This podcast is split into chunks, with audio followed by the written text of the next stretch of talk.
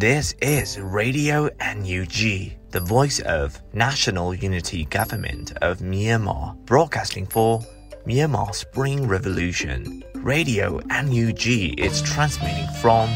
shortwave 16 meter 17.79 megahertz at 8:30 a.m. and 25 meter 11.94 megahertz at 8:30 p.m. Myanmar Standard Time. မင်္ဂလာပါခင်ဗျာ အမျိုးသားညီညွတ်ရေးအစိုးရရဲ့အတန်လွင့်ဌာန Radio NUG ကိုမနက်ပိုင်း၈နာရီခွဲမှာလိုင်းတို16မီတာစက္ကန့်တက်သမ9 MHz ညပိုင်း၈နာရီခွဲမှာလိုင်းတို25မီတာ17တက်သမ6 MHz တို့မှာဓာတ်ရိုက်ဖမ်းယူနိုင်နိုင်ပါပြီမင်္ဂလာအပေါင်းနဲ့ပြည့်စုံကြပါစေအခုချိန်ကစပြီး Radio NUG အစီအစဉ်တွေကိုဓာတ်ရိုက်အတန်လွှင့်ပေးနေပါပြီ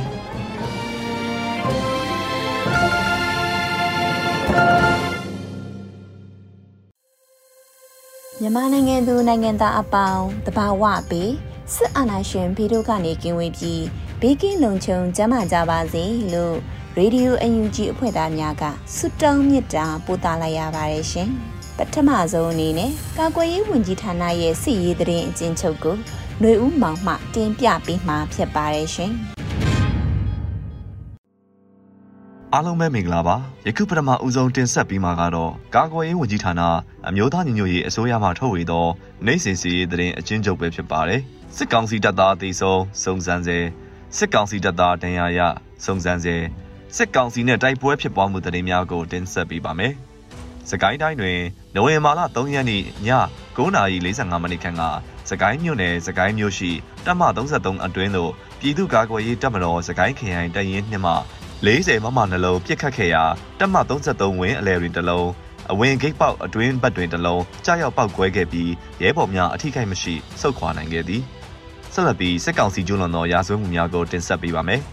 ကရင်နီကရားပြည်နယ်တွင်နိုဝင်ဘာလ4ရက်နေ့နေ့လယ်12နာရီခန့်ကလွိုက်ကော်မြို့နယ်ကုန်းဆွရွာတွင်စစ်ကောင်စီမှပစ်လိုက်သောလက်နက်ကြီး9လုံးကြားရောက်ခဲ့ပြီးတစ်လုံးမှာပြည်သူနေအိမ်တစ်လုံးကိုကြားရောက်ကအစိုးရနေအိမ်မီးလောင်ပျက်စီးပြီးနောက် အသက်2နှစ်အရွယ်ကလေးငယ်တို့အပါအဝင်မိသားစုဝင်၄ဦးထိခိုက်ဒဏ်ရာပြင်းထန်စွာရရှိခဲ့ကြောင်းသိရသည်ဆက်လက်ပြီးစကိုင်းတိုင်းတွင်နိုဝင်ဘာလ4ရက်နေ့မနက်6:40ခန်းကစကောလင်းမြို့နယ်ရောင်ကြီးကျွာရှိနေအိမ်38လုံးကိုစစ်ကောင်စီတပ်သားများမှမီးရှို့ဖျက်ဆီးခဲ့သည်မန္တလေးတိုင်းတွင်နိုဝင်ဘာလ3ရက်နေ့ည8:00ခန်းကမန္တလေးမြို့အနောက်မြို့ပတ်လန်ရွှေချိန်ကွက်တဲ့ရက်ကွက်အတွင်းမှာလူနအူအားစစ်ကောင်စီများကတနက်ထောက်၍ဖမ်းဆီးသွားခဲ့သည် နိုဝင်ဘာလ3ရက်နေ့ည10:00နာရီခန့်ကနထိုးကြီးမြို့နယ်နထိုးကြီးမြို့ပေါ်ရက်ကွက်မှ3ဦးစူးဖြူကုန်းရွာမှ2ဦးတို့အားစစ်ကောင်စီများမှဖမ်းဆီးသွားခဲ့ပြီးဈေးထက်ရွာနှင့်ထန်းတော်ကြားတွင်စစ်ကောင်စီများတပ်ဖြတ်ထားခဲ့သောအလောင်း၃လောင်းစူးဖြူကုန်းရွာသားတွင်အလောင်းတစ်လောင်းတို့အားတွေ့ရှိခဲ့သည်ရန်ကုန်တိုင်းတွင်နိုဝင်ဘာလ3ရက်နေ့ညနေ4နာရီခန့်ကတကုံမြို့တင်မြောက်ပိုင်းမြို့နယ်51ရပ်ကွက်ဂိုးတော်ပြည့်ဖျားဝန်းမှအသက်20ကျော်အရွယ်လူငယ်တဦးကိုစစ်ကောင်စီအဖွဲ့ဝင်များကဖမ်းဆီးခဲ့သည် ယခုတင်ဆက်ပေးခဲ့တာကတော့ကာကွယ်ရေးဝန်ကြီးဌာနအမျိုးသားညီညွတ်ရေးအစိုးရမှထုတ်ဝေသောနိုင်စင်စီရေးတဲ့အကျဉ်းချုပ်ပဲဖြစ်ပါတယ်ကျွန်တော်ကတော့ຫນွေဦးမောင်ပါခင်ဗျာ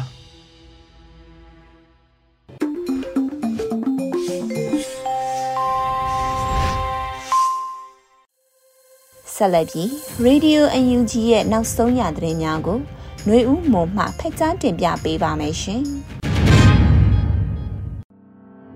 မင်္ဂလာပါရှင်။ 2022ခုနှစ်နိုဝင်ဘာလ9ရက်နေ့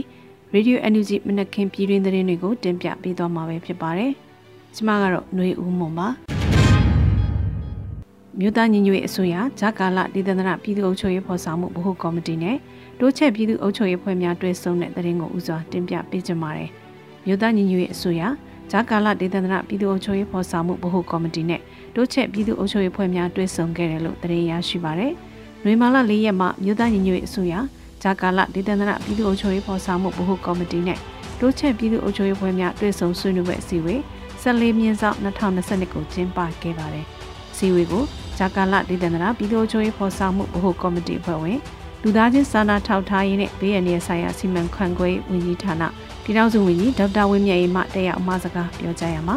အစည်းအဝေးသည်ပုံမှန်တွေ့ဆုံခြင်းဖြစ်ပြီးလိုအပ်ချက်များကိုဖြည့်ဆည်းကြခြင်းဖြစ်ကပါဝင်ဆွေးနွေးမှုများသည့်အ ကျိုးထူးနိုင်မှာကြောင့်တနစ်မဟာဗျူဟာစတင်ဆောင်ရွက်နေပြီးလုပ်ငန်းများကိုအစီအစဉ်များချမှတ်ဆောင်ရွက်ခြင်းဖြစ်သဖြင့်ပုံမထိရောက်မည်ဖြစ်ပါကြောင်းထိန်းချုပ်နေမြေများ၌တာဝန်ရှိသူများနဲ့ဝန်ကြီးဌာနများမှပေါင်းဆက်ညီနိုင်ဆောင်ရွက်ကြရန်လိုအပ်ပါကြောင်းပြောကြားခဲ့ပါတယ်။အဲဒီနောက်တက်ရောက်လာကြတဲ့ဒုတိယဝန်ကြီးများမှနှုတ်ခွန်းဆက်စကားများအသီးသီးပြောကြားခဲ့ကြပါတယ်။ဆက်လက်ပြီးဝန်ကြီးဌာနများမှဆောင်ရွက်နေတဲ့လုပ်ငန်းများနဲ့ပတ်သက်ပြီးရှင်းလင်းတင်ပြခဲ့ကြပြီးနောက်တိုးချဲ့ပြည်သူ့အုပ်ချုပ်ရေးဖွဲ့များမှမြေပြင်ကြုံတွေ့နေရတဲ့အခက်အခဲများနဲ့ သိရှိလူသည်များကိုပြန်လည်ဆွေးနွေးခဲ့ကြပါတယ်။တွေ့ဆုံပွဲသို့ဂျာကာလဒေသနာပြည်သူ့အုပ်ချုပ်ရေးဖော်ဆောင်မှုဗဟိုကော်မတီဖွဲ့ဝင်လူသားချင်းစာနာထောက်ထားရေးနဲ့ပြည်내ဆိုင်ရာစီမံခန့်ခွဲရေးဝန်ကြီးဌာနပြည်ထောင်စုဝန်ကြီးဒေါက်တာဝင်းမြတ်ဦးဆောင်ပြီးဒုတိယဝန်ကြီးများမြဲတဲ့အတွင်းဝင်များတွဲဘက်အတွင်းဝင်များနဲ့တိုးချဲ့ပြည်သူ့အုပ်ချုပ်ရေးဖွဲ့များမှတာဝန်ရှိသူများတက်ရောက်ခဲ့ကြပါတယ်ရှင်။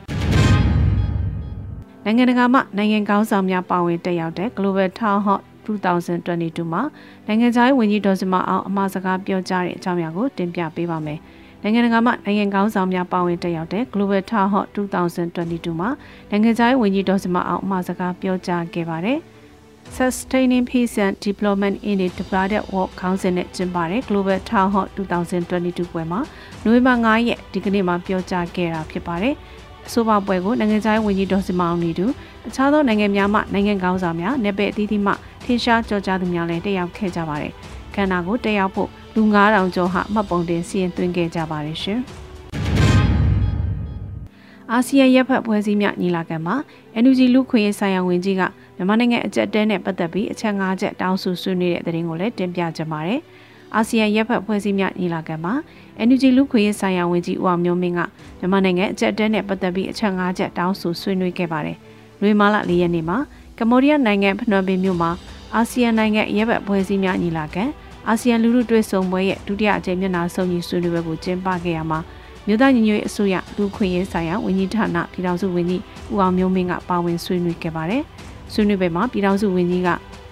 တစ်မြို့သားညီညွတ်ရေးအစိုးရ NUG ကိုမြန်မာပြည်သူလူထုကအမှန်တကယ်ကိုစားပြုသည့်တရားဝင်ရွေးကောက်တင်မြှောက်ထားသောအစိုးရအဖြစ်အတိမတ်ပြုရန်နှင့်တရားမဝင်ဆရာနာရှင်တို့အားတတမရေးရအစဉ်တန်းပေးအပ်ခြင်းမပြုရန်နှင့် အာဆီယံဘုံသဘောတူညီချက်9ရပ်ကိုကျော်လွန်၍တတမဆက်ဆံရေးစာမျက်နှာအသစ်တစ်ခုကိုစတင်ရန်ဤအကြက်တဲ့တွင်ဆရာနာရှင်ညှဉ်းပန်းနှိပ်စက်မှုများကိုခံစားရပြီးပြည့်လျူရှုခြင်းခံရသည့်မတူကွဲပြားသောမြန်မာနိုင်ငံသားများအပေါ်ဖိတ်ခေါ်၍ဆွေးနွေးပွဲအသစ်တစ်ခုပြုလုပ်ပေးရန်၃တရုတ်ပြည်သူ့သမ္မတနိုင်ငံအမေရိကန်ပြည်ထောင်စုအင်ဒိုနီးရှားသမ္မတနိုင်ငံထိုင်းနိုင်ငံအိန္ဒိယနိုင်ငံနဲ့ဗြိတိန်နိုင်ငံတို့အပါအဝင် မြို့သားညီညွတ်ရေးအစိုးရလူသားချင်းစာနာထောက်ထားရေးနှင့်ပြည်내ဆိုင်ရာစီမံခန့်ခွဲရေးဝန်ကြီးဌာနနဲ့တိုင်းသားတော်လှန်ရေးအဖွဲ့အစည်းများပူးပေါင်းအဖွဲ့တို့ပူးပေါင်းပြီးလျင်မြန်ပြီးတင့်လျော်သည့်လူသားချင်းစာနာထောက်ထားမှုဆိုင်ရာတုံ့ပြန်ချက်များဆောင်ရွက်ရန်၄အာဆီယံအနေဖြင့်ဆီယနာရှင်တို့ကြီးညာထားသောရွေးကောက်ပွဲကိုတရားမဝင်ကြောင်းကြီးညာ၍လူသိရှင်ကြားပယ်ချရန်၅မြန်မာနိုင်ငံ၏ Federal Democracy ဖွဲ့စည်းပုံအခြေခံဥပဒေကိုဖော်ဆောင်မိလုပ်ငန်းစဉ်ကိုမြင့်တင်ရန်တို့ဆွေးနွေးပြောကြားခဲ့ပါတယ်။ ဆိုပါဆွေးနွေးပွဲသို့ ASEAN Intergovernmental Commission on Human Rights AICHR ရဲ့အင်ဒိုနီးရှားနိုင်ငံကိုယ်စားလှယ်ဖြစ်သူနဲ့မလေးရှားနိုင်ငံနိုင်ငံခြားရေးဝန်ကြီးဌာနရဲ့နိုင်ငံခြားရေးမူဝါဒဆိုင်ရာအကြံပေးကောင်စီဟောင်းတူဖြစ်သူတို့လည်းပါဝင်ဆွေးနွေးခဲ့ကြပါတယ်ရှင်။လင်းဝင်လာတဲ့သူတွေနဲ့စီရီယံပြုလုပ်လာတဲ့သူတွေအတွက်ဥပဒေရအကာအကွယ်ပေးဖို့ဥပဒေမူကြမ်းရေးဆွဲပြီးပြီဖြစ်လို့ NUCC ထံတင်ပြထားတယ်ဆိုတဲ့သတင်းအကြောင်းအရာကိုလည်းတင်ပြပေးကြပါမယ်။ စကောင်းစီတက်ကအလင်းဝင်လာတဲ့သူတွေနဲ့စီရီယံပြုလုပ်လာတဲ့သူတွေအတွက်ဥပဒေရအကာအကွယ်ပေးဖို့ဥပဒေမူကြမ်းရေးဆွဲပြီးပြီဖြစ်လို့ NUCC ထံတင်ပြထားတယ်လို့တရားရေးဝန်ကြီးဌာနရဲ့အတူဝင်ဦးမင်းအောင်ခိုင်ကဆိုပါတယ်။လွေမာလေးရဲ့ညာပိုင်းကျင်းပတဲ့ပြည်သူစစ်သားဇနီးများရဲ့စကားသံအစီအစဉ်စကားဝိုင်းမှာတရားရေးဌာနရဲ့အတွင်းဝင်ဦးမင်းအောင်ခိုင်ကပြောခဲ့တာပါပြည်သူသားကောင်းလို့ခေါ်တဲ့စစ်သားရဲတွေရဲ့အလင်းဝင်လာတဲ့စီရီယံပြုလို့လာတဲ့သူတွေနဲ့သူတို့ရဲ့မိသားစုတွေကိုဥပဒေနဲ့ညီကာကွယ်ပေးဖို့ ဘဝအာမခံချက်တွေပေးဖို့ကျွန်တော်တို့တွေဥပဒေပြဋ္ဌာန်းပြီးတော့ကိုဆောင်ရွက်နေတာရှိတယ်ဒီဥပဒေဟာ NUCC ရဲကိုရောက်သွားပြီးအကြမ်းမြင့်ရေးဆွဲပြီးစီးပြီးဖြစ်ပါတယ်လို့ဆိုပါတယ်ဆိုပါဥပဒေမူကြမ်းထဲမှာအကြမ်းဖက်စစ်တပ်အောက်တာဝန်ထမ်းဆောင်သူများကိုဥပဒေရတပ်ပြည့်ဖြစ်သတ်မှတ်ထားပြီးတော့စီရီယံဝင်လာသူများကိုပြည်သူဝန်ထမ်းဖြစ်တရားဝင်သတ်မှတ်မှာဖြစ်တယ်လို့သတင်းရရှိပါတယ်ရှင်။ Energy Pay သုံးဆွဲသူမှာအခြားသုံးဆွဲလိုသူအတွက်အကောင့်ဖွင့်ပေးနိုင်ပြီဆိုတဲ့သတင်းကိုလည်းတင်ပြပေးကြပါမယ်။ Energy Pay သုံးဆွဲသူမှာအခြားသုံးဆွဲလိုသူအတွက်အကောင့်ဖွင့်ပေးနိုင်ပြီဖြစ်ပါတယ်။နိုဝင်ဘာလရက်နေ့မှာ Energy Pay ကနေအသိပေးဖော်ပြထားပါတယ်။ကိုယ့်ရဲ့ Energy Pay နဲ့အခြားသူတွေအတွက်အကောင့်ဖွင့်ပေးလို့ရပါတယ်။ Energy Pay ရဲ့ website မှာ Energy Pay အကောင့်ဖွင့်မှု activation code တွေရောင်းချပေးနေပါပြီ။ကိုယ့်ရဲ့ energy pay မှတစ်ဆင့်မိသားစုမိတ်ဆွေတွေနဲ့ချစ်ခင်ရသူတွေအတွက် activation code ဝယ်ပေးရင်တော်လိုင်းမှာပါဝင်လိုက်ပါလို့ဆိုထားပါတယ်။ Energy Pay နဲ့ Activation Code ဝယ်ယူမှုပုံစံအသေးစိတ်အချက်လက်ကို Energy Pay ရဲ့လူမှုကွန်ရက်စာမျက်နှာမှာဖော်ပြထားပါတယ်။လက်ရှိမှာ Energy Pay သုံးစွဲသူ1000ခွဲခန့်ရှိပြီဖြစ်ကဝေသားလွှဲပြောင်းမှုပုံစံမှာစိတ်အချရဆုံးနဲ့အလျင်မြန်ဆုံးဖြစ်ပါတယ်ရှင်။ပန်ဆယ်လိုရဲ့အမောင်ရက်တရားစာအုပ်ကိုရီးယားရဲ့ရုပ်သံလွှင့်ဌာန KBS စီစဉ်မှာဖော်ပြခံရတဲ့သတင်းကိုလည်းတင်ပြပေးပါမယ်။ပန်ဆယ်လိုရဲ့အမောင်ရက်တရားစာအုပ်ကိုရီးယားရုပ်သံလွှင့်ဌာန KBS စီစဉ်မှာဖော်ပြခံခဲ့ရပါတယ်။ဆိုပါစာအုပ်ဟာကိုရီးယားနိုင်ငံမှာရောင်းအကောင်းဆုံးစာအုပ်ဖြစ်လဲရောင်းရခဲ့ပါတယ်။ကိုရီးယားလူငယ်များရဲ့စာပေရင်ကျင်းမှုကြောင့်ရိုက်ကူးထားတဲ့ documentary အစီအစဉ်မှာကိုရီးယားဘာသာပြန်စာအုပ်မိတ်ဆက်အဖြစ်ဖော်ပြခံရတာဖြစ်ပါတယ်။ကိုရီးယားဘာသာပြန်ထားတဲ့မောင်ရက်တရားစာအုပ်ကိုကိုရီးယားကျောင်းသားလူငယ်များစာအုပ်တိုက်ဖြစ်တဲ့ Morris LLC ကထုတ်ဝေခဲ့တာဖြစ်ပါတယ်။ ဆက်လက်ပြီးတော့လည်းဆိုပါစာအုပ်တိုက်မှာ Energy အစိုးရရဲ့လှုံ့ဆော်ချက်များနဲ့မြန်မာပြည်သူများရဲ့လူ့တော်လှန်ရေးမှာဆရာထက်သန့်ဇွဲရှိမှုတို့ကိုမိတ်ဆက်သွားမှာဖြစ်ပါတယ်လို့သတင်းရရှိပါတယ်ရှင်။ရောမနဲ့မီလန်မြို့မှာမတောင့်မီသောမိုးခရဲ့ရုပ်ရှင်ကိုပြသမယ်ဆိုတဲ့သတင်းကိုလည်းတင်ပြပေးပါမယ်။ရောမနဲ့မီလန်မြို့မှာမတောင့်မီသောမိုးခရဲ့ရုပ်ရှင်ကိုပြသမယ်လို့သိရှိရပါတယ်။လွေမာလာအတွင်းမှာရုပ်ရှင်ပြသရေးကော်မတီကအသိပေးဆိုပါတယ်။ မတောင့်မီသောမိုးခရဲ့ရုပ်ရှင်ကိုအီတလီနိုင်ငံမီလန်မြို့နဲ့ရောမမြို့များမှာပြသသွားမှာဖြစ်ကြောင်းသတင်းကောင်းပါအပ်ပါတယ်။ဒရိုက်တာကိုပေါက်ရိုက်ကူပြီးကမ္ဘာနိုင်ငံအသီးသီးမှာယုံပြည့်ရုံရှန်အားပေးနေကြတဲ့အတောက်မီသောမုခရဲ့ရုပ်ရှင်ကိုအီတလီနိုင်ငံမီလန်မြို့မှာနိုဝင်ဘာလ22ရက်နေ့ညပိုင်းနဲ့ရောမမြို့မှာနိုဝင်ဘာလ29ရက်နေ့နေ့လယ်ပိုင်းအချိန်များမှာအီတလီဘာသာစာရန်တိုးနဲ့ပြသသွားမှာဖြစ်ပါတယ်လို့ဆိုပါတယ်။အီတလီနိုင်ငံတွင်လည်းမတောက်မီသောမုခရဲ့ရုပ်ရှင်ကိုလာရောက်ကြည့်ရှုပြီး လူဦးဒေါ်လာရဲ့အတွက်တက်ကြွစွာအားဖြည့်ပါဝင်ပေးနိုင်ပြီလို့ဆိုပါတယ်။ရိုက်တာကိုပေါက်ရိုက်ကူးထားတဲ့မတောက်မီသောမုခရဲ့ရုပ်ရှင်ဇာတ်လမ်းတို့ဟာစီဒီအမ်ပိုကြီးတူကိုအခြေခံရိုက်ကူးထားပြီးတရုတ်ဆောင်မဟုတ်တဲ့ဒေါ်လာရေးနယ်မြေမှာရဲဘော်များနဲ့ရိုက်ကူးထားတာဖြစ်ပါတယ်ရှင်။ကမ်ဘလူမြို့နယ်ကိုရာမိုကြီးရွာမှာတက်ဆွဲထားတဲ့ဂျမ်ဘတ်စီအုပ်စုရဲ့အစစ်ကြောင်းမှာအနီးနားရှိကျွာတွေကိုလက်နက်ကြီးများနဲ့ရန်တမ်းပစ်ခတ်ခဲ့တာကြောင့်တပ်73နှစ်အရွယ်ယောက်ျားလေးတူသေဆုံးခဲ့ရတဲ့တဲ့ရင်ကိုလည်းတင်ပြပေးပါမယ်။ စကိုင်းတိုင်းကမ်ဘလူမြို့နယ်ကိုရာမိုကြီးရွာမှာတက်ဆွဲထားတဲ့ဂျမ်ဘတ်စီအုပ်စုရဲ့စစ်ကြောင်းမှာအနီးနားမှာရှိတဲ့ကျွာတွေကိုလက်နက်ကြီးများနဲ့ရန်တမ်းပစ်ခတ်ခဲ့တာကြောင့်အသက်73နှစ်အရွယ်ယောက်ျားလေးတူသေဆုံးခဲ့ရပါတယ်။နွေမာ3ရက်နေ့ကစကိုင်းတိုင်းကမ်ဘလူမြို့နယ်ကိုရောင်မူကျွာမှာတက်ဆွဲထားတဲ့ဂျမ်ဘတ်စီအုပ်စုရဲ့စစ်ကြောင်းမှာအနီးနားမှာရှိတဲ့ကြေးရွာတွေကိုလက်နက်ကြီးတွေနဲ့ရန်တမ်းပစ်ခတ်ခဲ့တာဖြစ်ပါတယ်။ဆိုပါပစ်ခတ်မှုကြောင့်ဇီကနာကြေးရွာမှာနေထိုင်တဲ့အသက်73နှစ်အရွယ်ယောက်ျားလေးတူသေဆုံးခဲ့ပြီး အသက်9နှစ်အရွယ်ကလေးတူပါဝင်3ဦးဒဏ်ရာရရှိခဲ့တယ်လို့ AAPP ကဖော်ပြပါတယ်။ဆီယနာသိမ်းပြီးနောက်နယူးဒေါ်လင်းကာလာအတွင်းကြာဆုံးခဲ့ရသူစုစုပေါင်းမှာ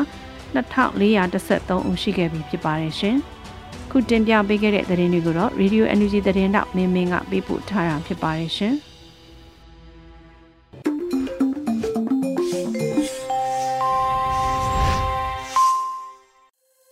Radio UNG မှဆက်လက်အသံလွှင့်နေပါတယ်။ယခုတဖန် တော်လှန်ရေးတိဂီတာအစီအစဉ်လေးနဲ့ Generation 2021ရဲ့ပြည်သူတွေရဲ့အသံလို့အမည်ရှိတဲ့သချင်းကိုခန်းစားနားဆင်ကြရမှာဖြစ်ပါတယ်ရှင်။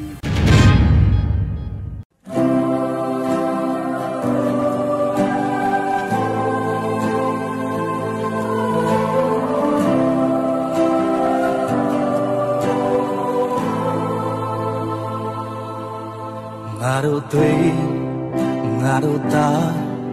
ngaro ta tui Be chiti love tis di amle Ni bwe me mau mai te ni nya lo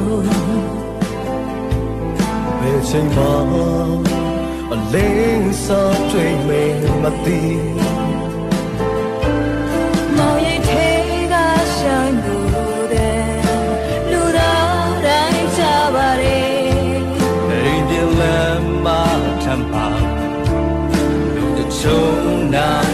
ka ni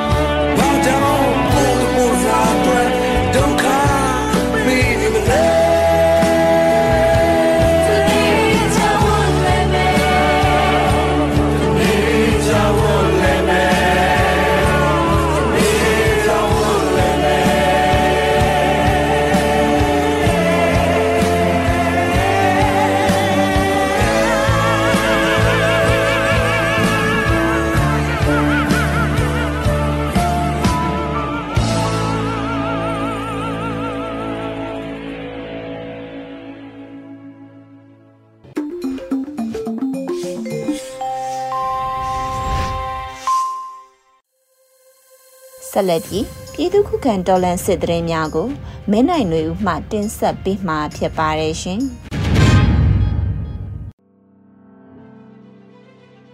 ပထမဦးစွာစိုင်းပြင်းမြို့ရှိစစ်တပ်တပ်ဆက်ထားသည့်နေရာကိုလက်နက်ကြီးများပစ်ခတ်ပြီးဒရုန်းဖြင့်ဘုံကျဲတဲ့တရင်တင်ဆက်ပါမယ်။စကိုင်းတိုင်းတပင်းမြို့နယ်စိုင်းပြင်းမြို့ရှိစစ်တပ်တပ်ဆက်ထားသည့်ဝင်းတွင်သို့60မမနှလုံးပစ်ခတ်၍ဒရုန်းဖြင့်ဘုံသီးလေးလုံးကျဲချတိုက်ခိုက်ခဲ့ရာ စစ်ကောင်စီတပ်ဖွဲ့ဝင်20ဦးသေဆုံးက10ဦးဒဏ်ရာရရှိခဲ့ကြောင်းရွှေဘိုခရိုင်တရင်20တာဝန်ရှိသူတအုပ်ထံမှသိရှိရပါတယ်။နိုဝင်ဘာလ2ရက်နေ့မိုးလ2နာရီ59မိနစ်အချိန်စိုင်းပြင်းမြို့ရှိစစ်တပ်တပ်ဆွဲထားတဲ့ဝင်းတွင်သို့လက်လုံ60မမနှလုံးဒရုန်းဖြင့်ဘုံသီးလေးလုံးချတိုက်ခတ်ခဲ့ခြင်းမှာ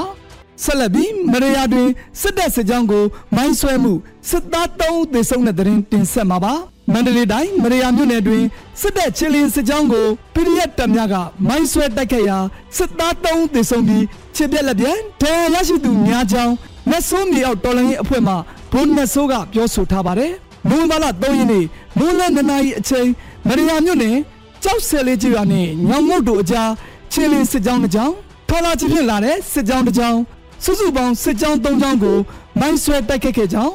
မိုင်းဆွဲမှုကြောင့်စစ်သား3ဦးသေဆုံးပြီး ဒဏ်ရာရသူများပြားကြောင်းသိရှိရပါတယ်။ခေဦးတွင်စစ်တပ်နှင့်ပြူစောတိများကို PDF များပူးပေါင်းတိုက်ခိုက်မှုစစ်ကောင်စီတပ်ဖွဲ့ဝင်8ဦးသေဆုံးတဲ့တဲ့ရင်ဆက်လက်တင်ဆက်ပါမယ်။နိုဝင်ဘာလ3ရက်နေ့ည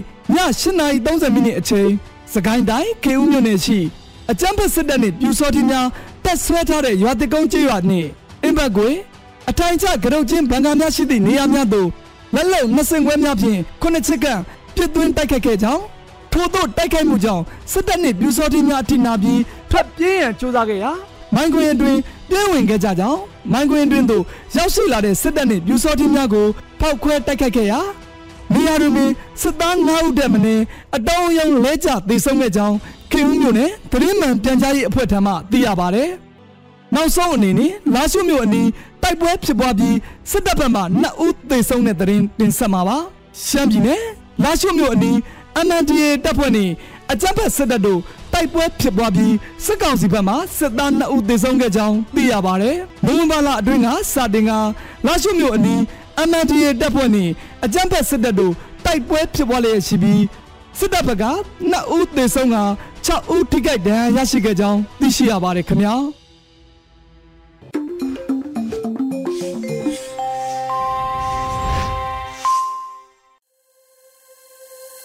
ရေဒီယိုအယူကြီးသောတာရှင်များရှင် PVTV ရဲ့နေ့စဉ်သတင်းများကိုထက်ထက်အင်ဒရာအောင်မှဖက်ကြားတင်ပြပေးထားပါတယ်ရှင်အခုချိန်ကစပြီး PVTV သတင်းတွေကိုတင်ဆက်ပြီးတော့မှာပါကျွန်မထက်ထက်အင်ဒရာအောင်ပါ ပထမအဆုံးတင်ဆက်ပေးမှာကတော့ဖလန်တောင်တိုက်နယ်စေယုံကိုပြစ်မှတ်ထားပြီးတော့အကြမ်းဖက်စစ်တပ်ကလက်နက်ကြီးနဲ့ပစ်နေလို့စေယုံယာယီပိတ်ထားလိုက်ရတဲ့ဆိုတဲ့သတင်းမှာကင်းမျိုးသားအစီရော KNU နယ်မြေဖအံမြို့နယ်အတွင်းက16ကလေးဆန်တိုက်နယ်စေယုံဖြစ်တဲ့ဖလန်တောင်နယ်စေယုံကိုပြစ်မှတ်ထားပြီးတော့အကြမ်းဖက်စစ်တပ်ကလက်နက်ကြီးနဲ့ပစ်နေတဲ့အတွက်စေယုံကိုယာယီပိတ်ထားတယ်လို့ KNU ဗဟိုကနိုဝင်ဘာ3ရက်မှာသတင်းထုတ်ပြန်ပါတယ်။ အကြံဘတ်စစ်တပ်ရဲ့စကခရှစ်လောက်ခန်ခမရ408တက်စခန်းကမမောင်ကဖလန်တောင်တိုက်နေစီရုံကိုလက်နက်ကြီး120မမနဲ့9ချက်ပြစ်ခတ်တိုက်ခိုက်ခဲ့တာဖြစ်တယ်လို့ KNU ရဲ့သတင်းထုတ်ပြန်ချက်မှာဖော်ပြထားပါတယ်။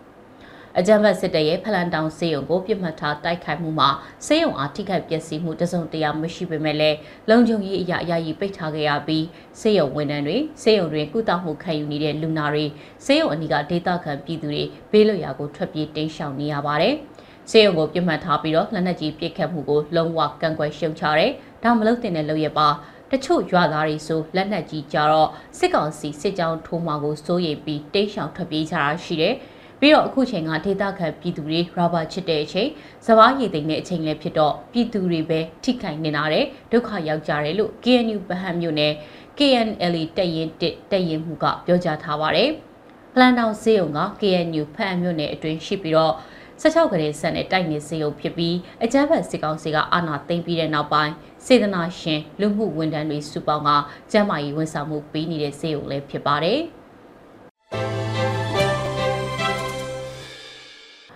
နောက်ထပ်အနေနဲ့ဒေါနာစစ်ကြောင်းကိုထောက်ပံ့မှုအတွက်ရမငွေရှောက်ခွေလှုပ်ရှားမှုအစီအစဉ်ကရီမန်းချက်သိန်းတစ်ထောင်ပြည့်ဖို့လိုအပ်နေသေးတယ်ဆိုတဲ့သတင်းမှာဒေါနာစစ်ကြောင်းကိုထောက်ပံ့မှုအတွက်ရည်ရွယ်ပြီးတော့ပန်းတီရင်ဓာသွေးမဲ့အမည်ပေးထားတဲ့ရမငွေရှောက်ခွေလှုပ်ရှားမှုအစီအစဉ်ကိုလှုပ်ဆောင်နေတာပါ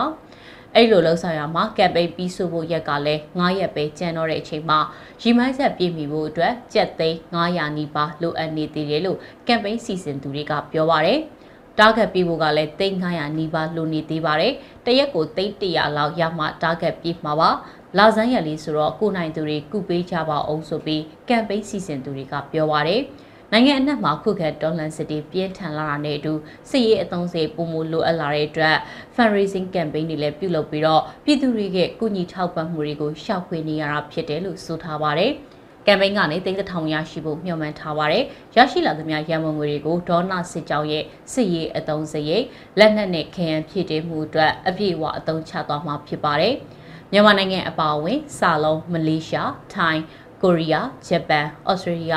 ဒိန်းမနဲ့ US တို့ကနေလည်းဓာတ်ရိုက်ထောက်ပံ့နိုင်ပါတယ်လို့ကမ်ပိန်းအစီအစဉ်ကကြေညာထားပါတယ်။ ပန်းတီရင်ဓာတ်သွေးမယ်လို့အမည်ပေးထားရတာကတော့ဒီကမ်ပိန်းမှာလက်ဆောင်ပြန်ပေးမဲ့ကြပြစိတ်ရတစ်သွေးမှုရဲ့ပန်းတီရင်ဓာတ်သွေးခရဤဆိုတဲ့စာအုပ်အမည်ကိုယူထားတာပါဒီကမ်ပိန်းမှာပါဝင်ကူညီသူတိုင်းကိုကြပြဆရာရဲဘော်တစ်သွေးမှုရဲ့ပန်းတီရင်ဓာတ်သွေးခရဤဆိုတဲ့စာအုပ် e-book version ကိုပြန်လည်လက်ဆောင်ပေးအပ်သွားမှာပါကျေးဇူးတင်ပါတယ်ရှင်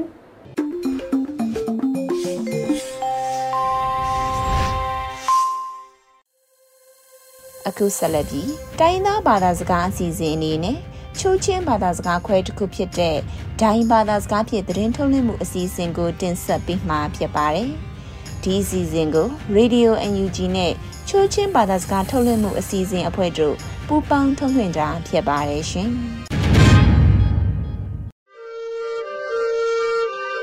ဒိုင်ရီတီယိုထိုင်လူနာဆုငါကီနိုပဘေနာနာနိဖက်ရိုက်ပွေကေယောတုံဝခမ်ခါအမ်သမ်ဟာ ขึ้นสู่มาตรงหงยากาทางเอซุนกีได้สลายนอกันิงยามเทลตุขยากากีอักษกาบาตุมลุนเฮปะคกอุบปูตุนอีเบเกียเตียทัง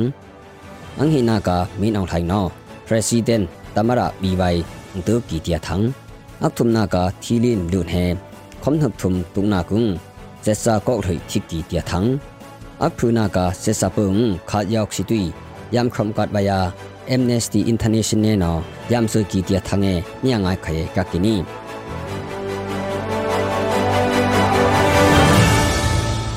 ဘတုမ်လူထဲပခုတ်ဥပစွန်မွိခါအခုမ်နှပုံအနိတုန်အေတီလူမွိခါအခုကီမတ်နှပုံသံအနိပရာကကီစေစပူအားငွမ်ဖွန်းဟမ်ခမ်နက်စုံခမ်ဘိုင် CDM အဖုဒုံလူခုတ်မီဘိုင်ပခေါ်ဥမ်နက်အတူိလမ်ခမ်တန်းဘိုင်ယာနုမ်ရန်လူ အဟိဘာပုတုန်အီနီတီလူထန်အန်ယူကာကာကီအကေခါဘတုန်ဟေပခောက်ဥပ္ပစွန်စင်ခန်းခါအထုံကီခုံပုတုန်အီကီလူပီအန်ယူဂျီယာလမ်ဆုမနာအဗျာဘာမွိခါအခုမနှပုန်ထုနက်တုံဘီဥလူတုအခထယာခန်းမကူယမတုံပုတုန်အီဘေတုနီတီလူအနိပနာကာကီအဟိနာပုဟိနုံထတ်တော်ကိုစလေ CSO ပူအဖုဖုမတမအေ CDF ဘတူထွန်းဖုဖုံ ปะคอกอุเปปุเกกากีเซสังไวมินองไลนอ president ตมระนุนงอวายาตุมนักเวกีติลือนิเคอีชาทังนอหุยคาอทุมกีกองอายุหัวกากีนิมหุงยากาอัมเปนดปีตมระอบีไวซุมจากเลกีตมระอบีทอนลกูไขติลืออันิดาสุกีเซซามันนออเปนนี้ติลืออันิวกากากีตูฮีขอกุมทองฮิกนึง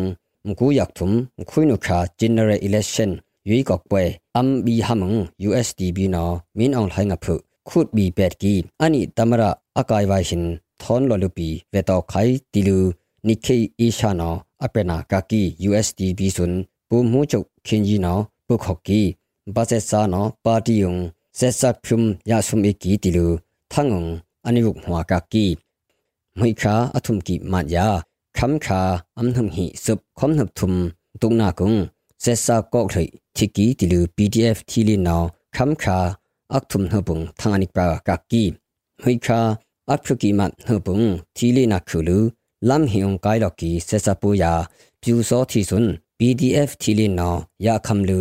มินิพกิบยำหางฮอกยาอันนี้อตุกากากีเซนเฮดคากท่ากุงเตลู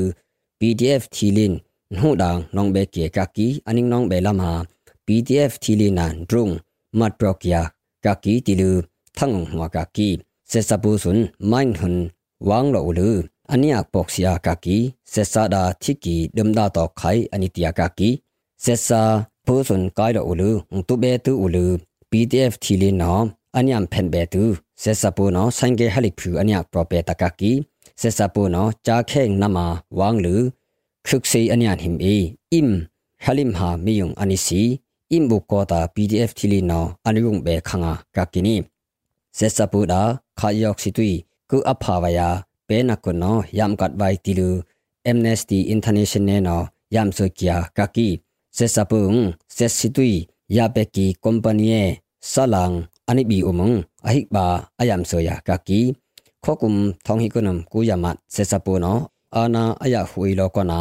ลองซาเซสิตุยอันิโลอูခါနခုလူထုမ်လုံလူခန်းအနိဟင် abung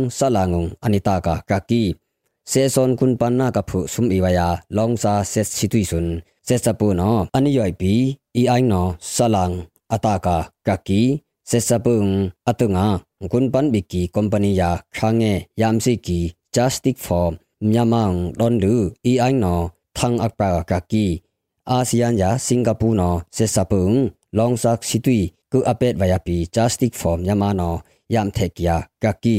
เซซาปูนอปิสังนำนาคานักขุอตุโลอผูอหิบาอีไอนออายามขอโลกากี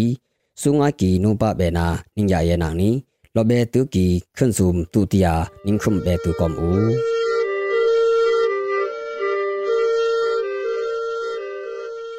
ဒီကနေ့ကတော့ဒီညနေပဲ Radio NUG ရဲ့အစည်းအဝေးကိုခਿੱတရရနိုင်ပါမယ်မြန်မာစံတော်ချိန်မနက်၈နာရီခွဲနဲ့ည၈နာရီခွဲအချိန်တွေမှာပြန်လည်ဆုံးဖြတ်ကြပါစို့ Radio NUG ကိုမနက်ပိုင်း၈နာရီခွဲမှာလိုင်းဒို16မီတာစက္ကန့်တသမ9 MHz ညပိုင်း၈နာရီခွဲမှာလိုင်းဒို25မီတာ17တသမ6 MHz တို့မှာဓာတ်ရိုက်ဖမ်းယူနားဆင်နိုင်ပါပြီမြန်မာနိုင်ငံသူနိုင်ငံသားများကိုစိတ်နှပြကျန်းမာချမ်းသာလို့ ဘေးကင်းလုံခြုံကြပါစေလို့ Radio NUG အဖွဲ့သူအဖွဲ့သားများကဆုတောင်းလိုက်ရပါတယ်။အမျိုးသားညီညွတ်ရေးအစိုးရရဲ့စက်သွယ်ရေးသတင်းအချက်အလက်နဲ့ဤပညာဝန်ကြီးဌာနကထုတ်လွှင့်နေတဲ့ Radio NUG ဖြစ်ပါတယ်။ San Francisco Bay Area အခြေစိုက်မြန်မာမိသားစုများနဲ့နိုင်ငံတကာကစေတနာရှင်များလှုပ်အားပေးများရဲ့ Radio NUG ဖြစ်ပါတယ်